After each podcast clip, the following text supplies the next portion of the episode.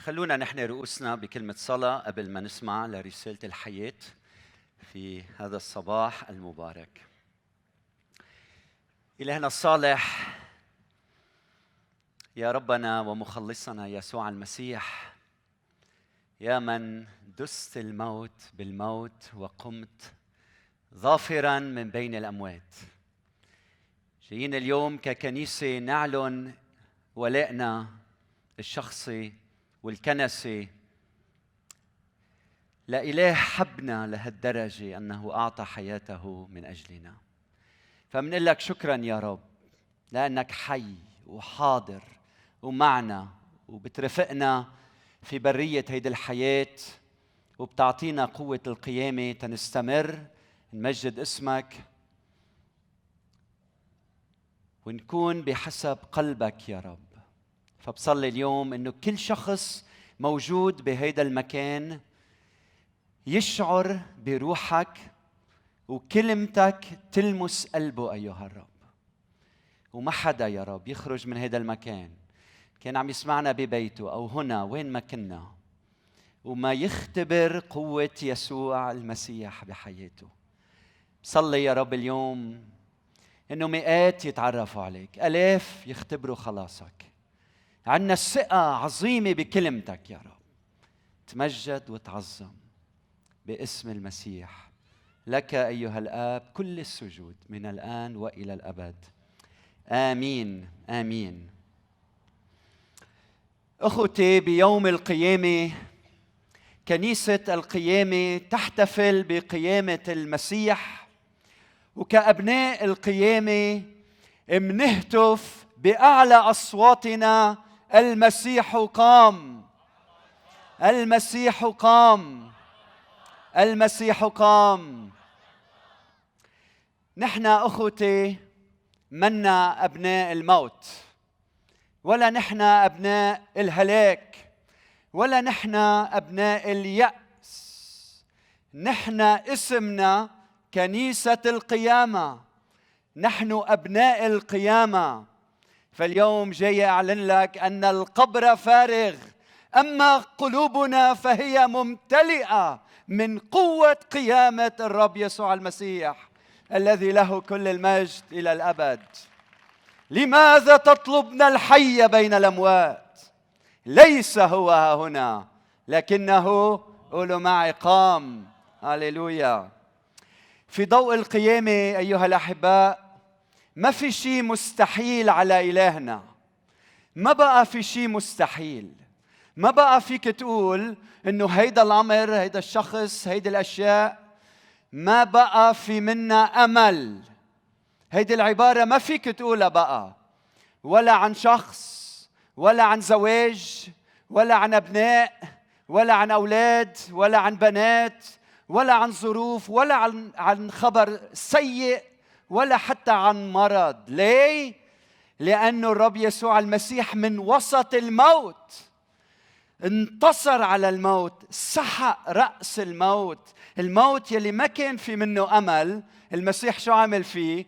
غلبه ظفر انتصر ولك كسر له اسنانه غلبه وقام من الناحية الثانية منتصرا. فما بقى في شيء اسمه مستحيل.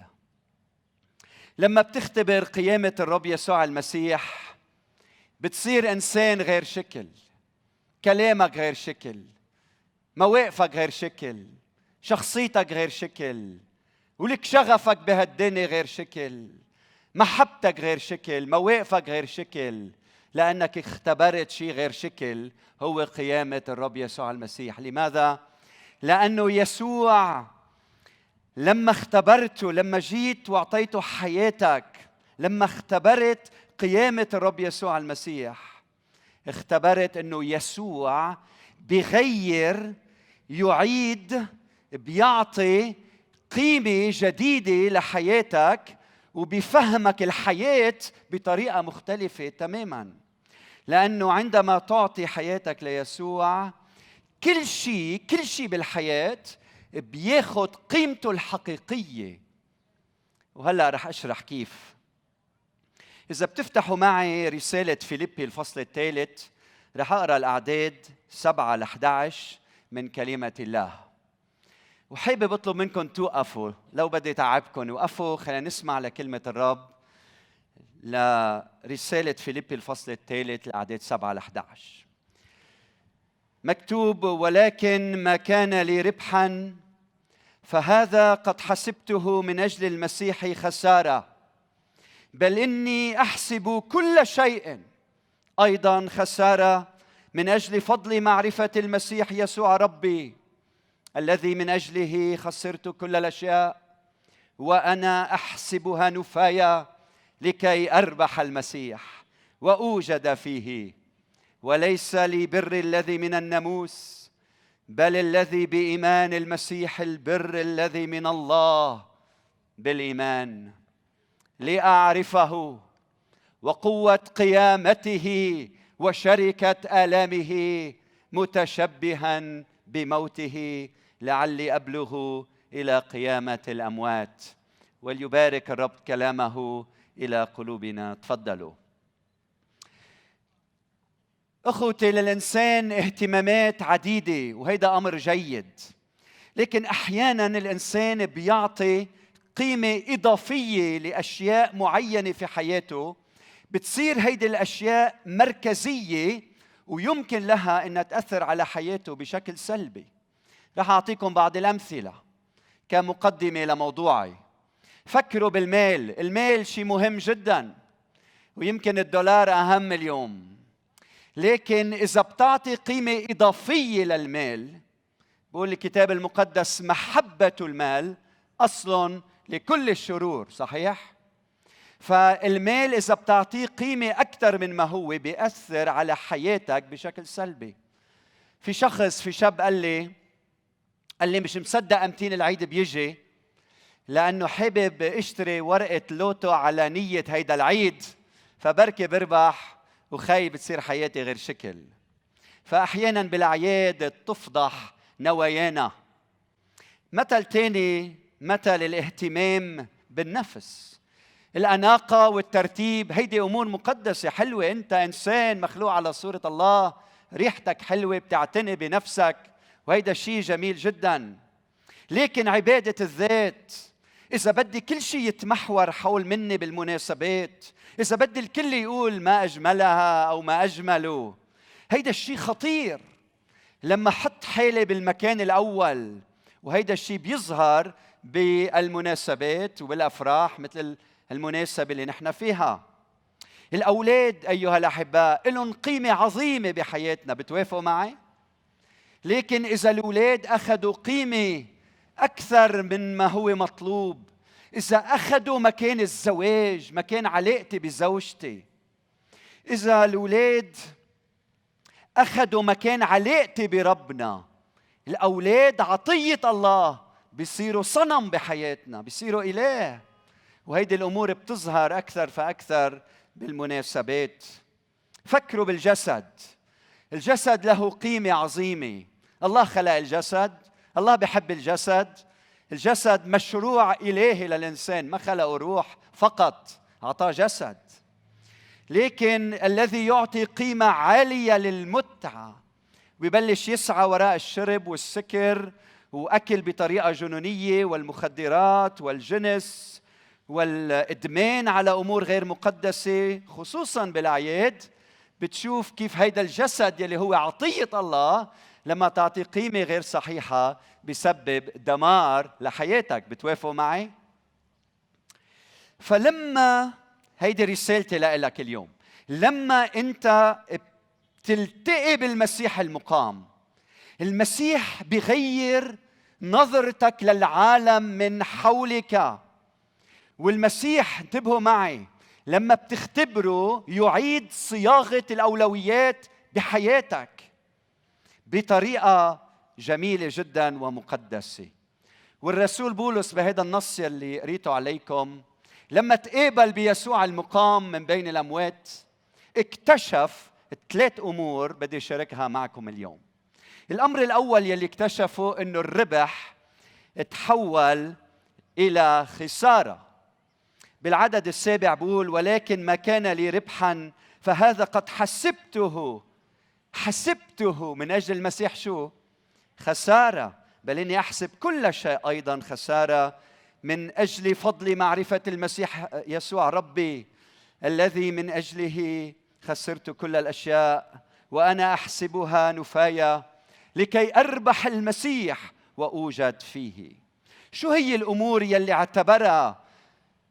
الرسول بولس ربح. شو هي الأمور؟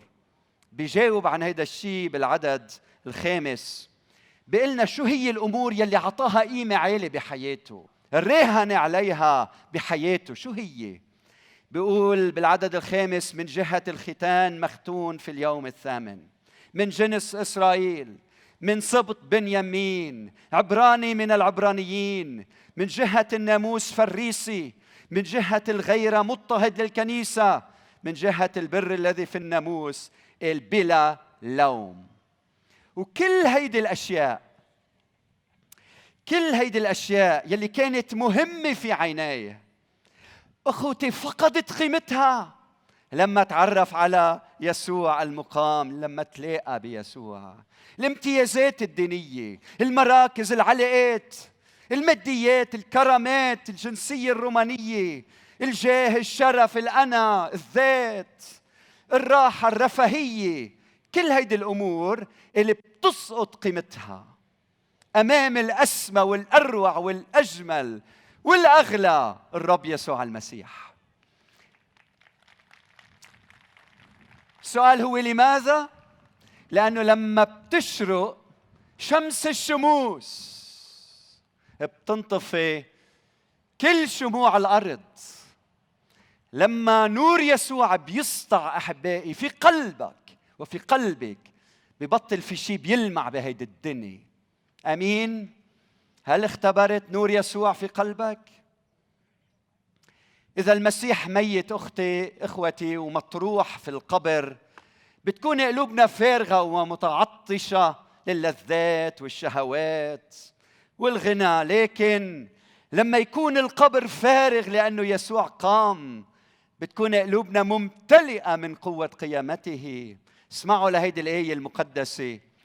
بتقول إن كنتم قد قمتم مع المسيح فاطلبوا ما فوق حيث المسيح جالس عن يمين الله يلي اهتموا بما فوق ولا بما على الأرض.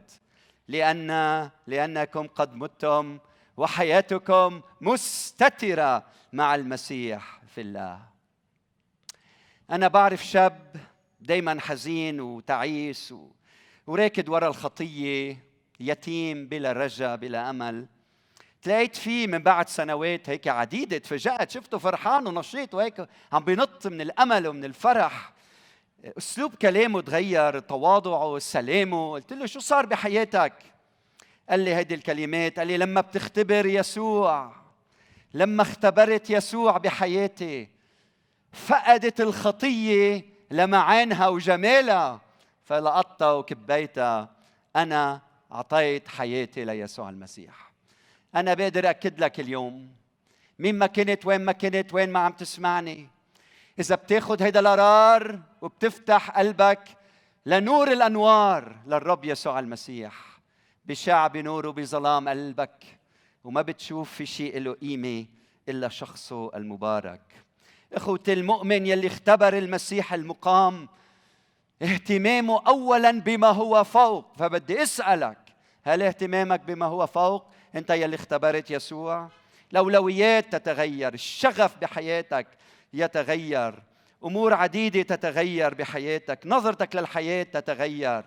لما تستيقظ صباحا ما بقى بتقول بدي أروح أشتغل وطلع مصاري لصير غني.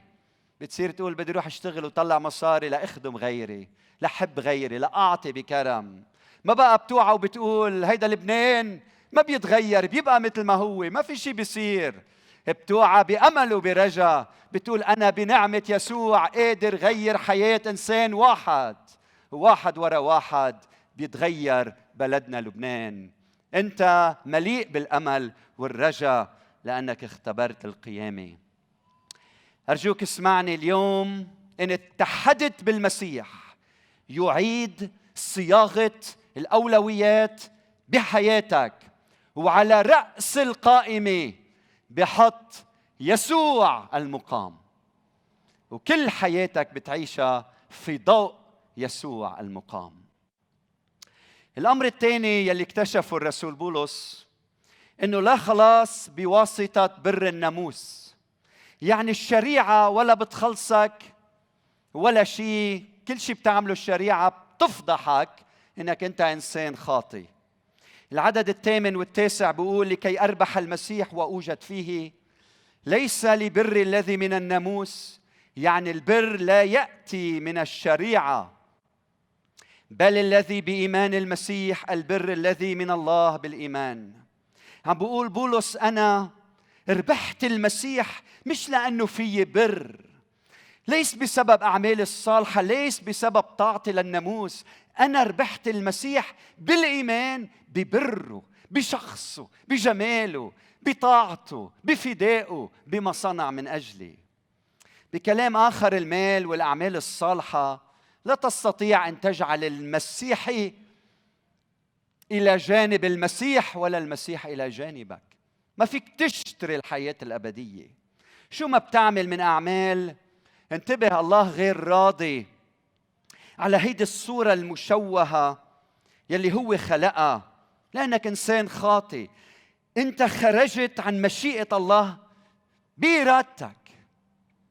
لأنه مكتوب إلى الجميع أخطأوا وأعوزهم مجد الله. يعني ولا واحد منا ولا واحد منا بار ما عدا واحد هو الرب يسوع المسيح.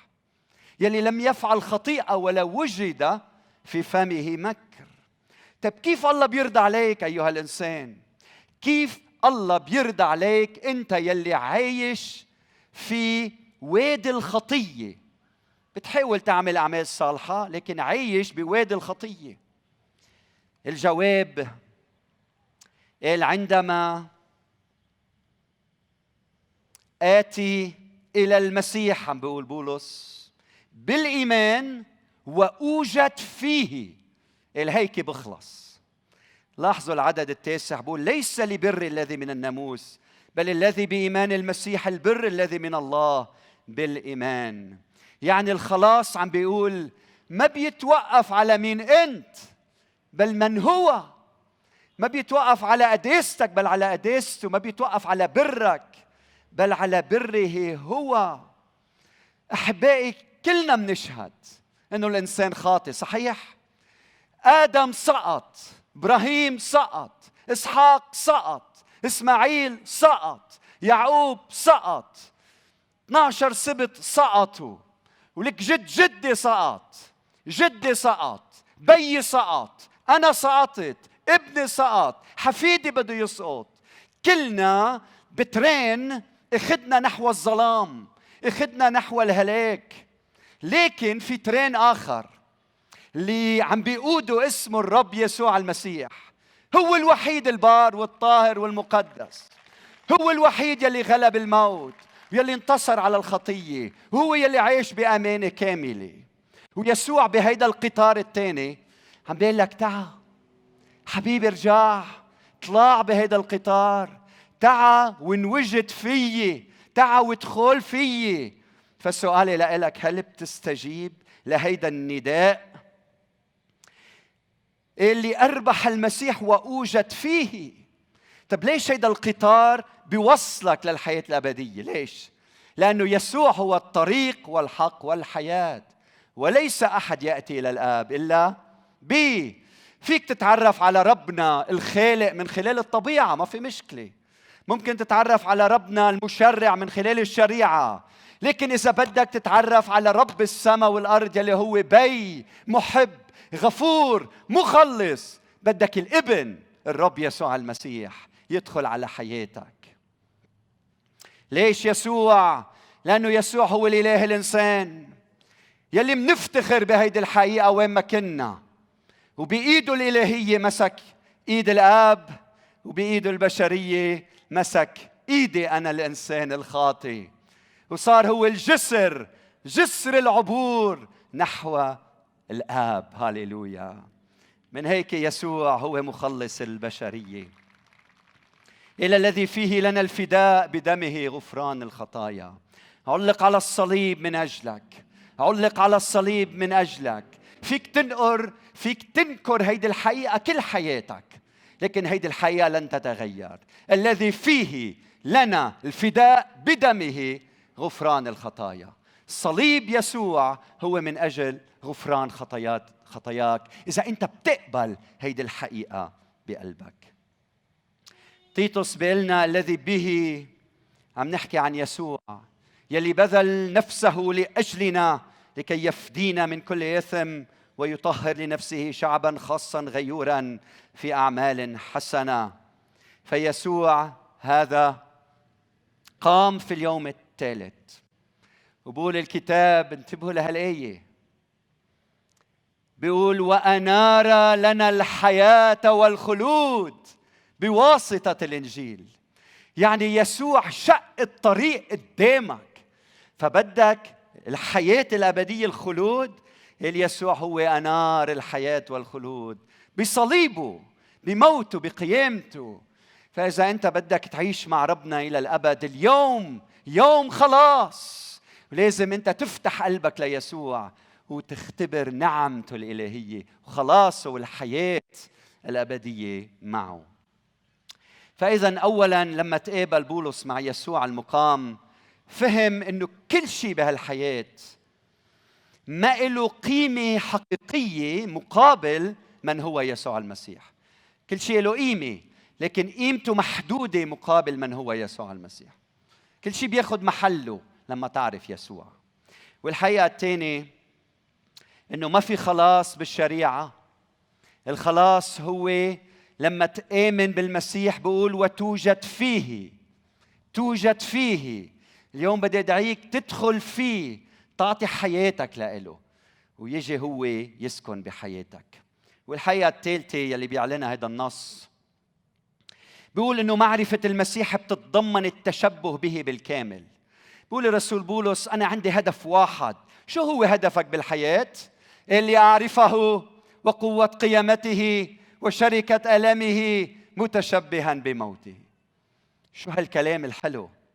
فعم بيقول الرسول بولس أنا ما بكتفي إني أعرف عن المسيح. المسيح بيدعيني أعرفه وصير تلميذ وصير أشبه بكل حياتي صير أشبه يسوع المسيح بكل فعل بكل موقف. لاحظوا كيف بولس ما بيمشي بحسب تتابع الأحداث زمنيا. ما بيقول بدي أشترك بآلام المسيح بعدين بدي اتحد بموته وبعدين بدي اختبر قوة قيامته. ببلش بشو؟ بالقيامة. بقول لي أعرفه يسوع المقام وقوة قيامته وبعدين شو؟ شركة ألامه بعدين متشبها بموته طيب ليش يا بولس ابتدأت بالقيامة؟ لأنه بولس اللي كان اسمه شاول هيدا المتدين العنيد القاسي هيدا المتمسك بالشريعة هيدا يلي مفكر حاله بقساوته وعناده وقتله لتلاميذ المسيح عم يرضي ربنا هيدا العنيد المقدام الباسل. هيدا الشخص لما تعرف على لما تقابل لما سمع لما شاف الرب يسوع المسيح لما اختبر يسوع اختبر يسوع المقام من بين الأموات. كلكم بتعرفوا قصته في طريقه إلى دمشق. وكيف تقابل بالرب يسوع المسيح وسقط من على حصانه على الأرض. لما نور يسوع شع أمامه. وبقول له ليسوع بقول له من أنت يا سيد؟ مفكر حاله شي كبير قال له من أنت يا سيد؟ قال له أنا يسوع الذي أنت تضطهده. تعرفوا شو قال له للمسيح؟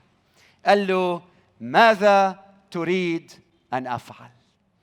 وهيدي بداية التلمذة الحقيقية. فأنا اليوم إذا سألتك بتسأل ربنا اليوم ماذا تريد أن أفعل؟ قل له هيك. هوني بداية التلمذة فلما بتختبر يسوع المقام بتختبر قوة قيامته. وبيبلش يعلمك يوم بعد يوم اسمعني منيح كيف تشترك بآلامه وكيف تتشبه بموته؟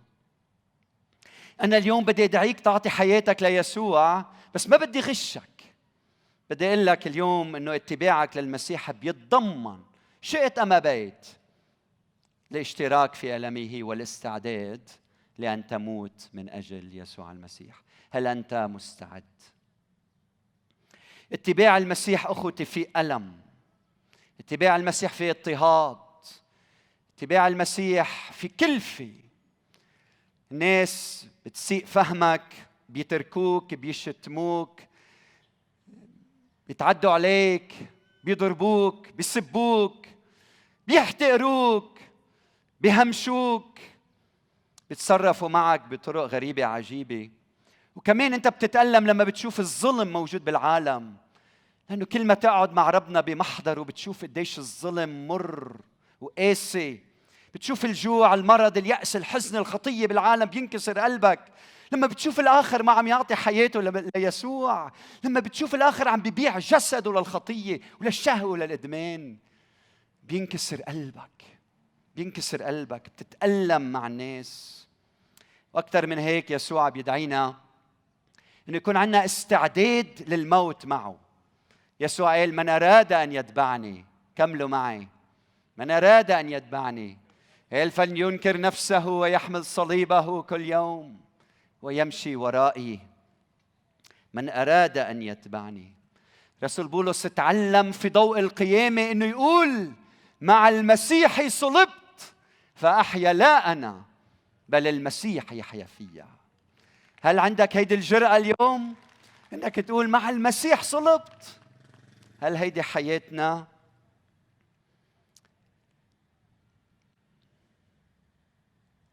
لما تختبر يسوع المقام ببلش يسوع يعلمك هيدي التلمذة كيف يوم بعد يوم تموت عن ملذات الدنيا. تموت عن الذات تموت عن الأنا. كيف تتشكل لتشبهه وتعيش لإله. وأحيانا بيطلب منا أنه نستشهد من أجله. هو بحب الحياة لنا لكن أحيانا الشر موجود بالعالم. اضطهاد على الكنيسة بيسبب موت للبعض منا. كنت بقاعة كنيستنا يوم من الأيام واقف على الباب عم سلم على الناس هي وظاهرة. بشوف ست أول مرة بشوفها بالكنيسة. فسألتها أنت من وين؟ فبتقلي من أي بلد؟ بقول شو عم تعملي عنا اليوم؟ قالت لي أنا مؤمنة بيسوع المسيح. بنت عمي قتلت بالبلد اللي أنا فيه وهربت وجيت لهون. قلت لها ليش ماتت بنت عمك؟ قالت لي قتلت لأنه لما تعرفت على يسوع المسيح وحبته. بيا قد ما كان شرير ما بحب المسيح. قتل بنفسه وقال دفن تحت عتبة البيت لحتى كل إنسان بيجي لعنده يدوس على رأسها قبل ما يدخل على بيتي. شوفوا بشاعة الشر. والمؤمن يلي بيختار يتبع المسيح أحيانا بيدفع كلفة. يلي بيختبر القيامة بيتعلم كيف ما يخاف من الموت. وبدي إياك تفكر كيف تتصالح مع الموت. ما تنسى الموت. بعد مئة سنة من اليوم ما حدا منكم رح يكون موجود هنا. طبعا ولا أنا. بس يمكن يكون المكان مليان آلاف الناس يلي عم يتبعوا يسوع من خلفيات مختلفة. لكن الموت حقيقة والمسيح حوله لعبور نحوه. فبدي اياك تتذكر أنت يلي اختبرت القيامة تصالح مع الموت لأنه الموت هو نحوه. لكن القصة ما بتخلص هنا إنه نكون في المسيح يعني إنه نختبر أيضا قوة قيامته. فبدي أقول لك في كثير بركات إذا بتتبع يسوع المسيح بركات روحية على حياتك. بتختبر معجزات بتختبر حضور الله بشكل كيانك. سلام يفوق العقل. عم بحكيك عن اختبار بركات بالخدمة بركات بزواجك بركات بكل هيدا العالم اللي عم بتعيشه. في عناية إلهية بتهتم فيك وبتاخدك من مكان إلى مكان. في علاقة حلوة معه. في حب بينك وبينه. في اختبار صادق أمين حقيقي. لا إله قام من بين الأموات. في عندي صديق كان عم يحضر اجتماع مرة معنا بالكنيسة. رحنا أكلنا نحن وياه لقمة خبرني عن قصته. باختصار رح لكم كيف هيدا الشخص ربي ببيت غير مقدس في عنف. ولما كان صغير أخذ زميله معه بالمدرسة. رح سميه لهيدا الشخص آه، ياسر.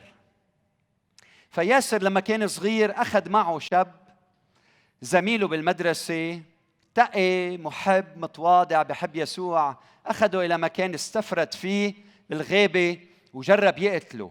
وترك وتركه هناك بين حي وميت ورجع فرحان إنه هو عمل شيء مهم. مهم هيدا الشاب ياسر مع الوقت.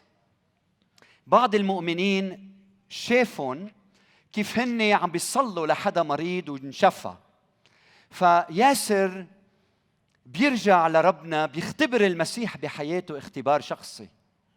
لكن أهله بلشوا يضطهدوه لدرجة إنه تخلوا عنه تماما. وأكثر من هيك راحوا على مقبرة العيلة وحطوا له تابوت فاضي وكتبوا اسم ياسر على التابوت. يعني أنت ميت بالنسبة لنا فياسر انكسر قلبه لأنه بحب عائلته. وقرر إنه يترك البلد. ولما راح قبل ما يفل ويترك البلد راح على مقبرة أهله العائلة وطلع هونيك وشاف على المقبرة في تابوت وفي عليه اسم اسمه هو موجود هناك. فبلش بالبكي قدام هالتابوت هالحقيقة إنه أهلي خلصوا مني قتلوني. فبيخبر باختباره كيف إنه هو وبهالحاله البكاء والألم اللي بيشعر في حدا إلى جانبه بيلمس كتفه. فبيلتفت بيسمع الصوت.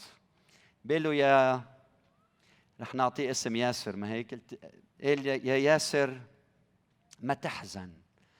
قبرك فارغ وكذلك قبري. لما سمع هذا الصوت انتعش من قيامة يسوع المسيح. وراح يتعلم ويدرس ويتخصص. وصار هلأ بركة بالعالم بيروح بيعلم بالجامعات وبيشهد عن قوة قيامة الرب يسوع المسيح. بخبر كيف من بعد 27 سنة راح على بلد حتى يعلم. وهونيك كان في عدد كبير من الرعاة وقدام كان في شخص مقعد. وهيدا الشخص المقعد كان عم يبكي كل الوقت. فبيقرب لعنده بيقول له ليش عم تبكي من بعد ما خلصت الخدمة؟ قال له ليه عم تبكي؟ طلع في هيك قال له أنا هو الولد يلي حاولت تقتله أنت وصغير. وفتح الكتاب المقدس وفرجاه كيف اسمه موجود على الكتاب وقال له أنا دائما كنت صلي من أجلك وهلأ فرحت أسمع إنك أنت أعطيت حياتك ليسوع المسيح. أخوتي قيامة المسيح حقيقة. قيامة المسيح حقيقة. والدليل وجودكم بهذا المكان. اختبار كل واحد منا. نعم القبر فارغ لكن قلوبنا ممتلئة اليوم بقيامة الرب يسوع المسيح من بين الأموات. المسيح قام وهو حاضر معنا. وهلأ بدي أدعيك إنك بوعي بقرار واعي تتبع يسوع المسيح. تعطي عمرك وحياتك ليسوع. تقول له أنا مستعد أتألم معك. وأنا مستعد أحمل الصليب وموت معك. أنا مستعد بقلبي. أنا جاهز بحياتي. أنا بدي أتبعك. هل أنت مستعد؟ خلونا نحن رؤوسنا في كلمة صلاة. وخدمتي بعد ما خلصت في عندي بعض النقاط بدي شجعكم. أنت ومغمض عينيك لما تتشوش. تتجاوب مع هيدي الرسالة. لما بتعطي حياتك ليسوع رح تختبر حضوره رح تشعر بسلامه. لما تعطي حياتك ليسوع السما رح ترتفع بعينيك. رح يرفعك الرب رح يرفعك الرب. ورح تشوف كل شيء على هالارض بهيدي الدنيا رح تشوفه صغير. فهلأ بدي إياك تشوف حالك أنت عم ترتفع عن الأرض. عم تطلع عم تطلع عم تطلع. وكل شيء تحتك عم يصغر. المال الجاه المراكز الشهوة الخطية كل شيء عم يصغر. كل شيء عم يصغر لأنك أنت عم ترتفع لفوق. شايف حالك كيف عم تطلع؟ عم تطلع. يسوع ماسكك بإيدك. كل شيء عم يفقد قيمته والقيمة الحقيقية عم بتشوفها بشخصه. يسوع المقام سيسكن في قلبك الآن. بهيدي اللحظات أنت عم تتحمل مسؤوليتك. قبولك ليسوع أو رفضك ليسوع. اسمعيني يا أخت. اسمعيني. يسوع بحبك يسوع مات من أجلك. يسوع أعطى حياته ليخلصك. افتحي قلبك لإله. افتحي حياتك لإله. يسوع بحبك يسوع بحبك فهلأ بدي أدعيك تفتح قلبك بهيدي المناسبة. قلت له يا يسوع أدعوك إلى قلبي. بدي إياك ما تفكر ببرك فكر ببره. قل له يا رب نيزل لي مكبر وكبر لي خطاياي. فرجيني بشاعة خطاياي وحيشتي لشخصك بالروح القدس. خلي الرب يكشف خطاياك.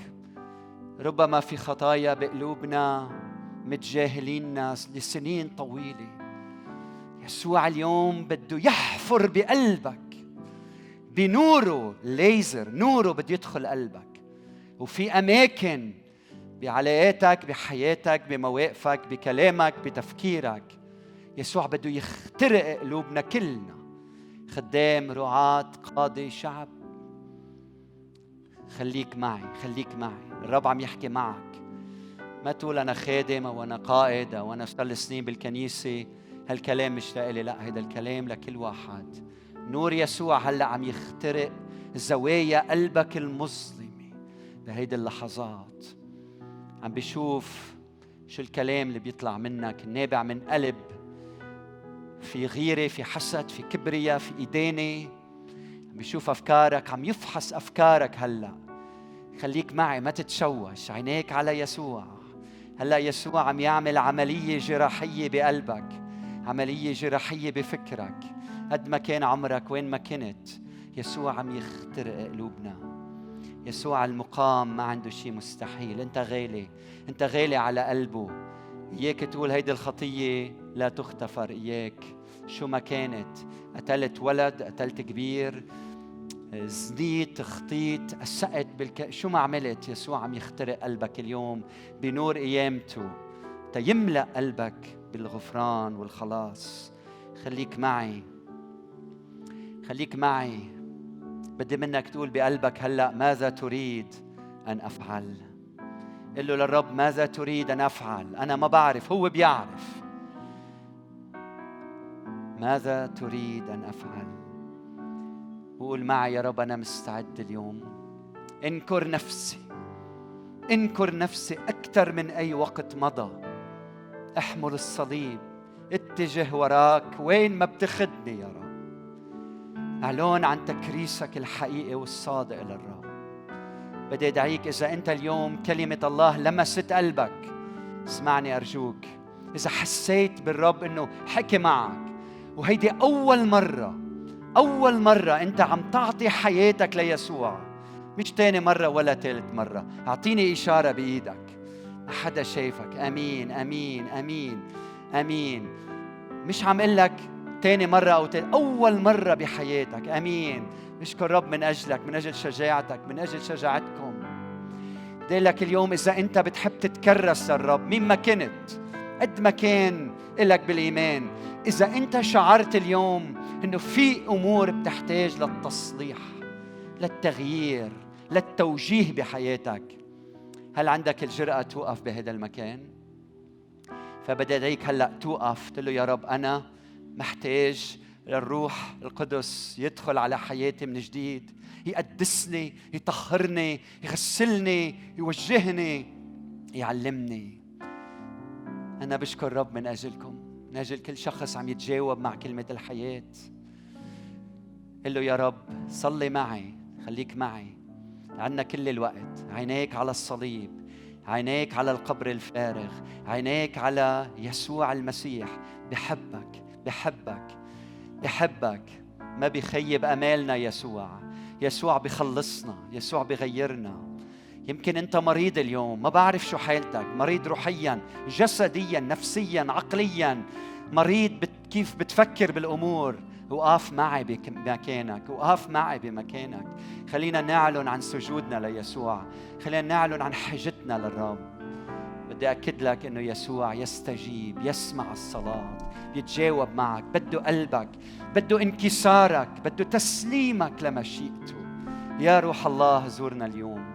يا روح الله تعا على كنيستك تعا على شعبك. تمجد بحياة كل واحد منا. انطق بكلام يمجد اسم الرب بقلبك بحياتك. قل له يا رب بكرس حياتي وعمري لإلك. رح نكون عم نرنم وعم نسبح. أرجوك ما تفكر بحدا اليوم. خليه ياخدك الرب إلى بعد جديد آفاق جديدة أماكن جديدة. في أمور بحياتك أخذت المركز الأول. يمكن خدمتك يمكن ولادك يمكن زواجك يمكن المال يمكن ما بعرف شو. حط كل شيء بمكانه الصحيح. تعا واعطي حياتك للرب يسوع المسيح.